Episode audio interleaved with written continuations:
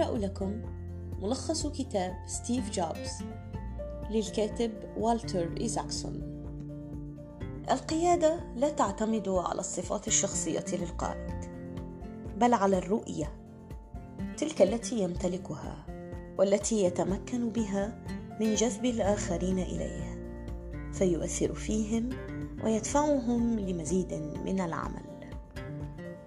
على الرغم من رحيله لا يزال المخترع الأمريكي والشريك المؤسس لشركة أبل مصدر إلهام للكثيرين وأيقونة خاصة في مجال التكنولوجيا والحواسيب والهواتف المحمولة.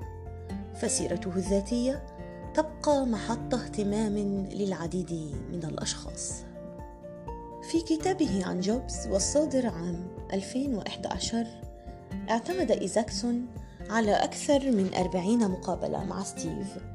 أجراها على مدار عامين. وأجرى إيزاكسون أيضا مقابلات مع أكثر من مئة شخص من أفراد أسرته وأصدقائه وحتى خصومه ومنافسيه. في الكتاب يعرض إيزاكسون قصة حياة رائد الأعمال المبتكر الذي أدى شغفه بالكمال والقيادة إلى إحداث ثورة في ست صناعات هي أجهزة الكمبيوتر الشخصية أفلام الرسوم المتحركة والموسيقى والهواتف الحواسيب اللوحية والنشر الرقمي. يلفت إيزاكسون أنه على الرغم من معرفته بجوبز وتعاونه معه إلا أن الأخير لم يتدخل قط فيما سيكتب.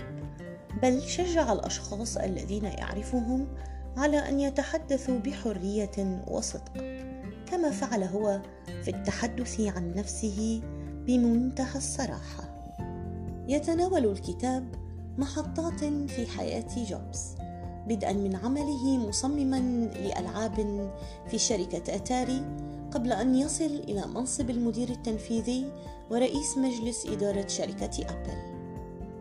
إن نجاح أبل لم يأتي من جمال الأجهزة التي تصنعها الشركة فحسب، بل بفضل التطبيقات التي تمكن المستخدمين من الانغماس في جميع أنواع الأنشطة المبهجة. ويعود إيزاكسون إلى الوراء حينما كانت أجهزة الكمبيوتر المحمولة وأجهزة الكمبيوتر المكتبية مجرد أحلام وليست جزءا من الحياة اليومية العادية كما هو الحال الآن. لقد ابتكر جوبز وفريقه الإبداعي كل ابتكارات أبل التي يتعامل معها الكثيرين في يومنا الحالي باعتبارها أمرا مسلما به وموجود وعادي. بيد أن هذه الطفرات حدثت بفعل مخيلة ابتكارية واجتهاد دؤوب. إن الدمج بين التقنية والفن سبب رئيسي لنجاح أبل ونجاح ستيف جوبز. وسيكون سببا رئيسيا لنجاح أي شركة تدمج بين الاثنين ويتطرق الكاتب للمرحلة التي استقال فيها جوبز من أبل عام 1985 بسبب الصراع على السلطة مع مجلس الإدارة وقيامه بتأسيس شركة نيكست. ويسرد عودة جوبز مرة أخرى لشركة أبل وتوليه منصب المدير التنفيذي بها عام 1997 ويحكي الكاتب أيضا عن المنافسة الشديدة بين جوبز وبيل جيتس الشريك المؤسس لمايكروسوفت.